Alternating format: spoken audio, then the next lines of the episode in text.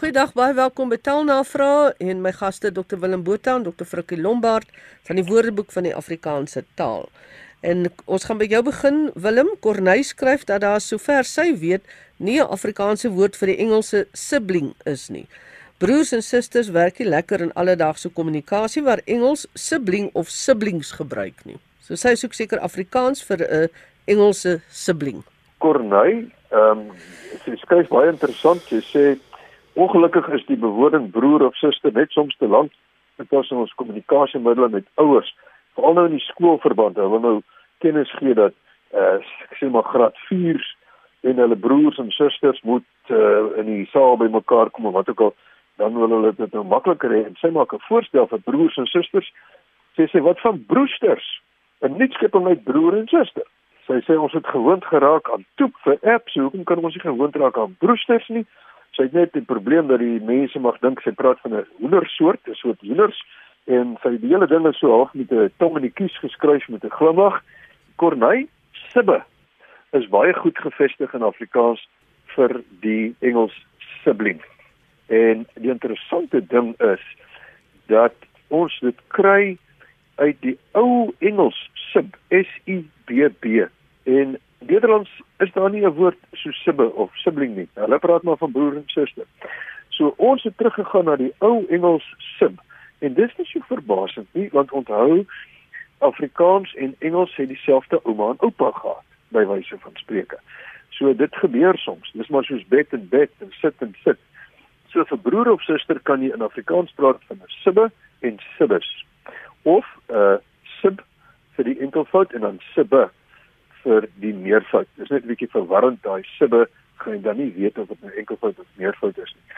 Maar dit is baie goed gevestig. Ek het hier aanhalinge in in die WAT uit uit die beeld en uit die burger en selfs in opsig van diere. Die leeu welpie se ma en drie sibbes is by hulle geboorte dood. Daarom het dieretuin personeel die welpie aan 'n surrogaat ma toevertrou.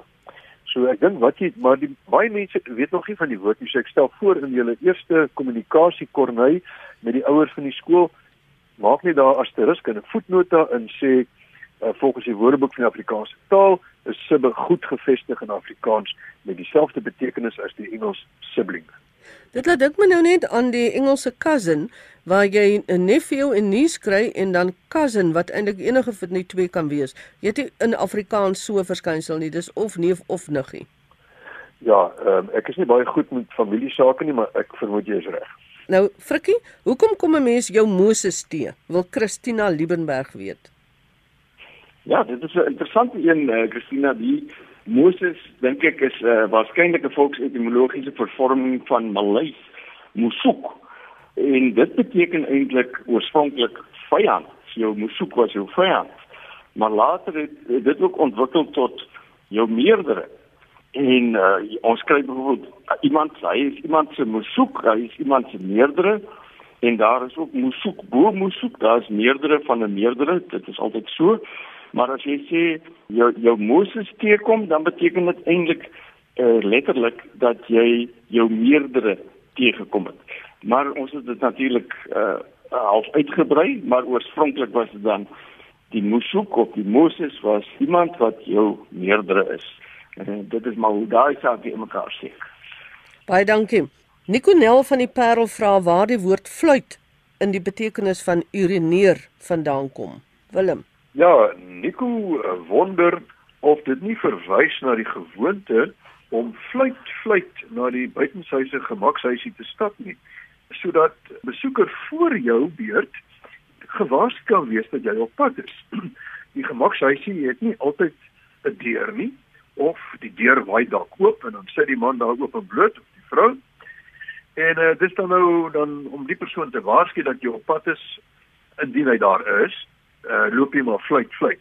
Nou die ewe het nou weer gewonder of dit nie na die geneigtheid verwys om 'n dingetjie te fluit terwyl hierdie handeling buite die huis uitgevoer word nie. Dit is dan hoofsaaklik vir klankverdoeseling dat dit nie klink soos reën of iets dergeliks nie. Uh, Frikkie sal miskien onthou in die, in die huis waar hy geloseer het as student het ek en hy een aand in die tuin die aktiwiteit uitgevoer en toe kom dan die Annie Hofmeyer op die stoep uit en sê wat maak julle daar?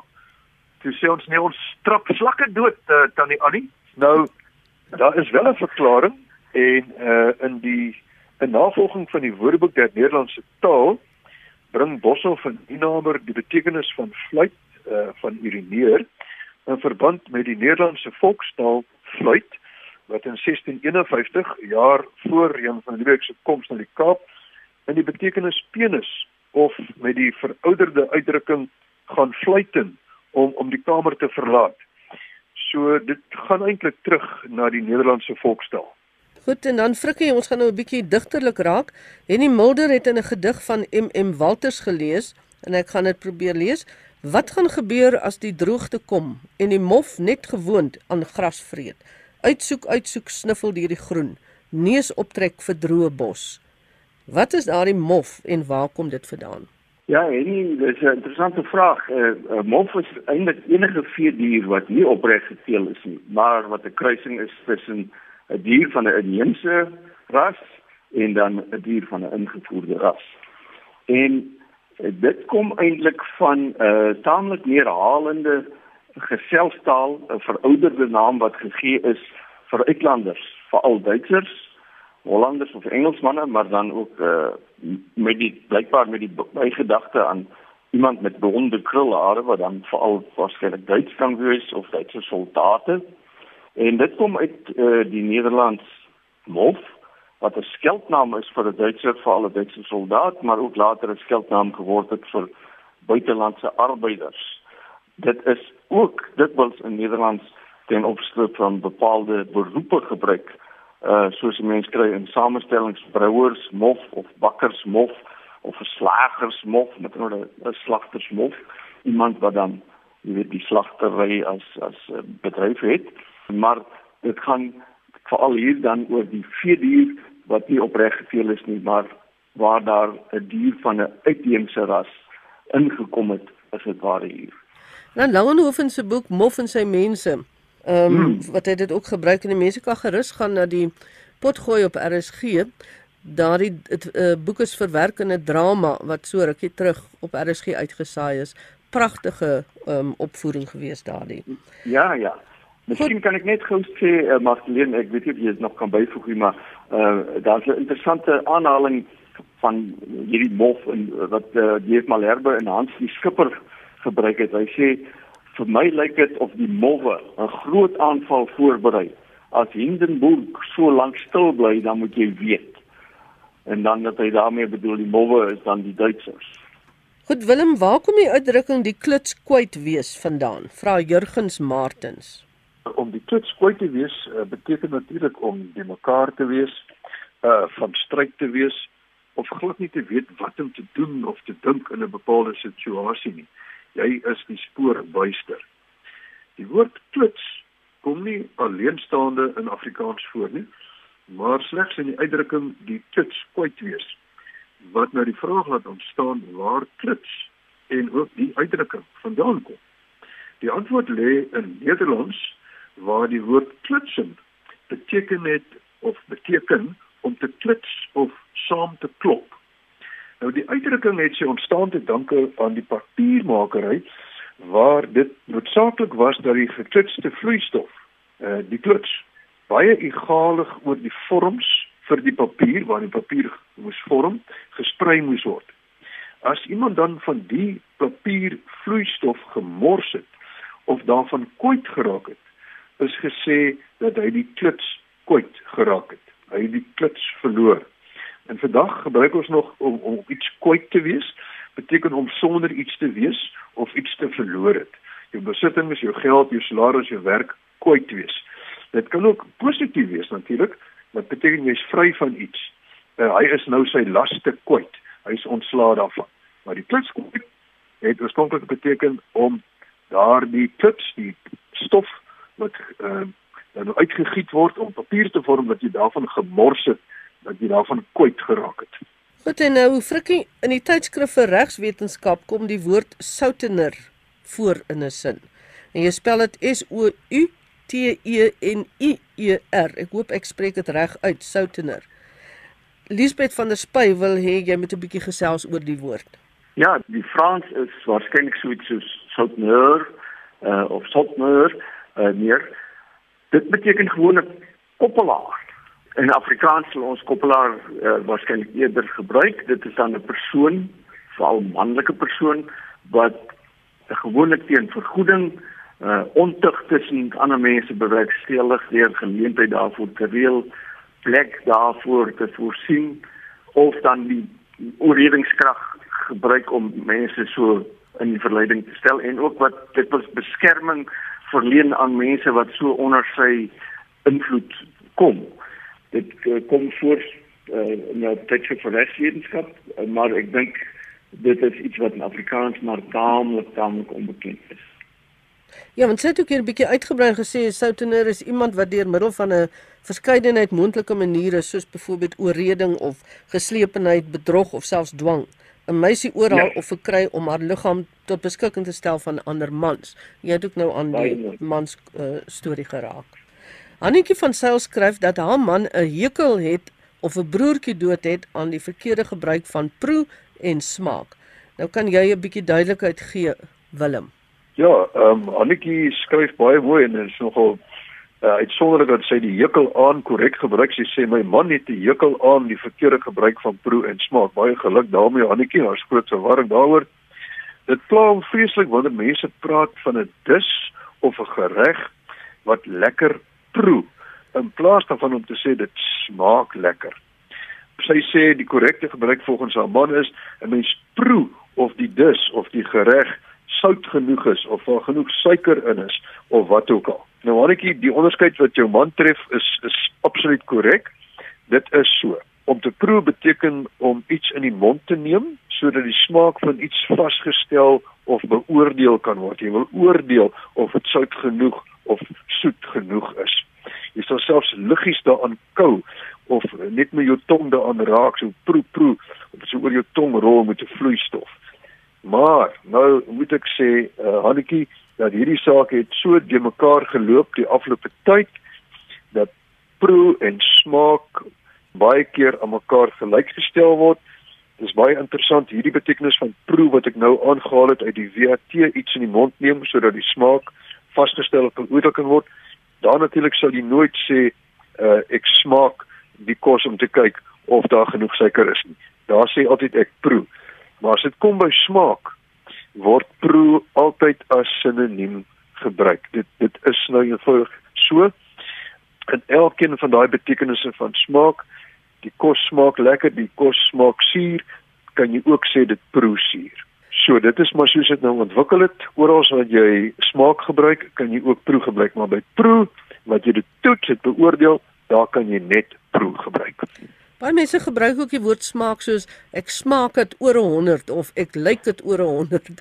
Kan 'n mens hmm. smaak in daai sin ook gebruik of is dit nou heeltemal 'n anglisisme? Dit is 'n klomp betekenisse in die WAT. Eerstens kan dit beteken dan nou behalwe die wat jy die kos uh proe of die smaak vasstel, kan beteken geniet of ervaar.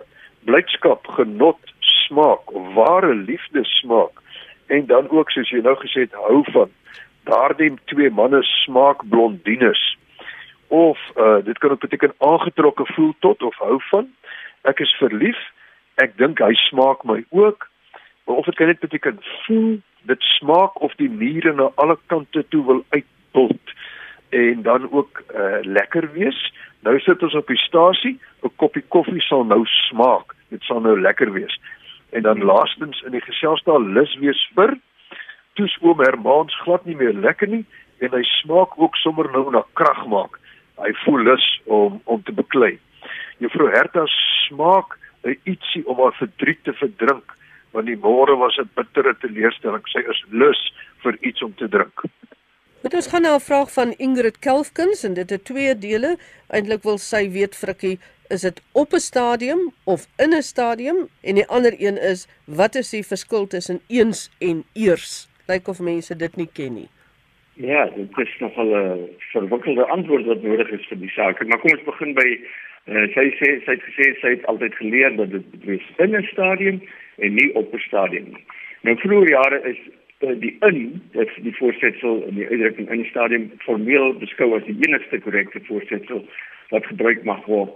Maar wat as korrek of idiomaties in voorsetsel gebruik beskou word, word heeldik was deur die volksmond bepaal.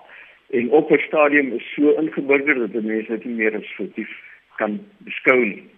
Ek gebruik steeds in 'n stadium uh ek herinner ook mense daaraan dat ons op skool het mense altyd geleer jy gaan met vakansie en tog net nie op vakansie nie want die Engelse gebruik on vacation of so iets uh nou ja da, daar is, is dieselfde geval as 'n mens gaan soek in die woordeboek hoeveel keer jy uh, op vakansie kan gaan dan wys dit dat dit in die volksmond bepaal word dat jy met of op vakansie kan gaan en dat ons nie so skools hoef te wees oor die soort van ding.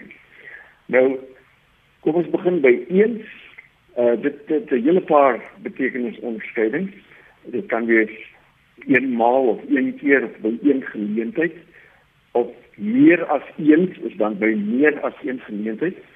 Dit kan ook wees in 'n veel groter mate. Eens soveel is dubbel soveel amper of so groot dat dit amper dubbel is soos soos wat dit uh, was. Uh dan kan dit ook wees op 'n tyd in die verre verlede voorheen uh, fossiele was eens lewende diere op 'n lang terug. Uh, en daar was eens 'n prins of 'n prinses dit ter inleiding van 'n sprokie of 'n dergelike vertelling.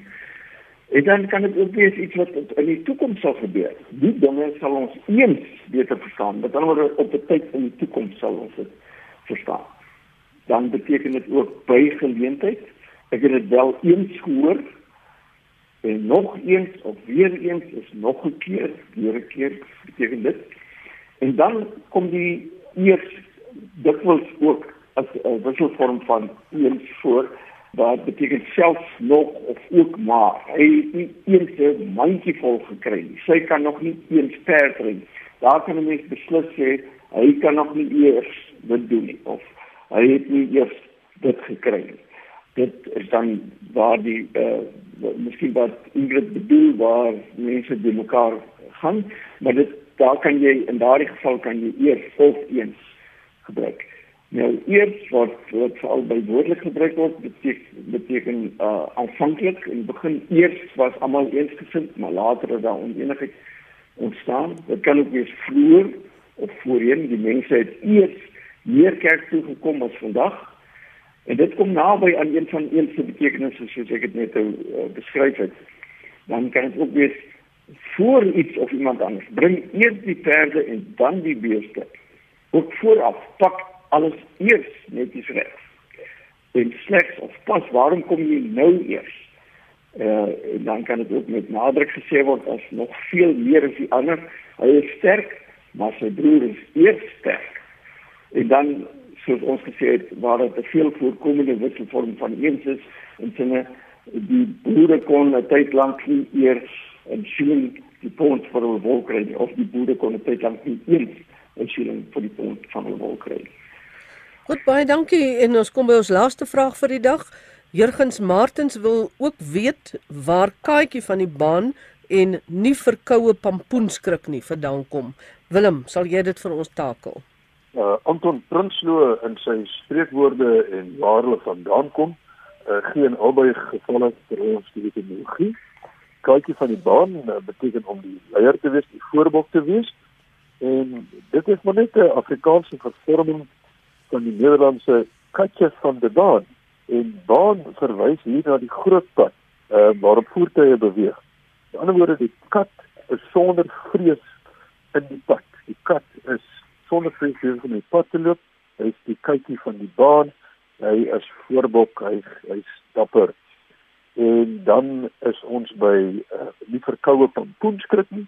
Nou, dis moontlik dat hierdie uitdrukking van ons eintlik 'n kombinasie is van nie verkoue pompoenskrik nie en die gewone koue pompoen sonder die lidwoord e.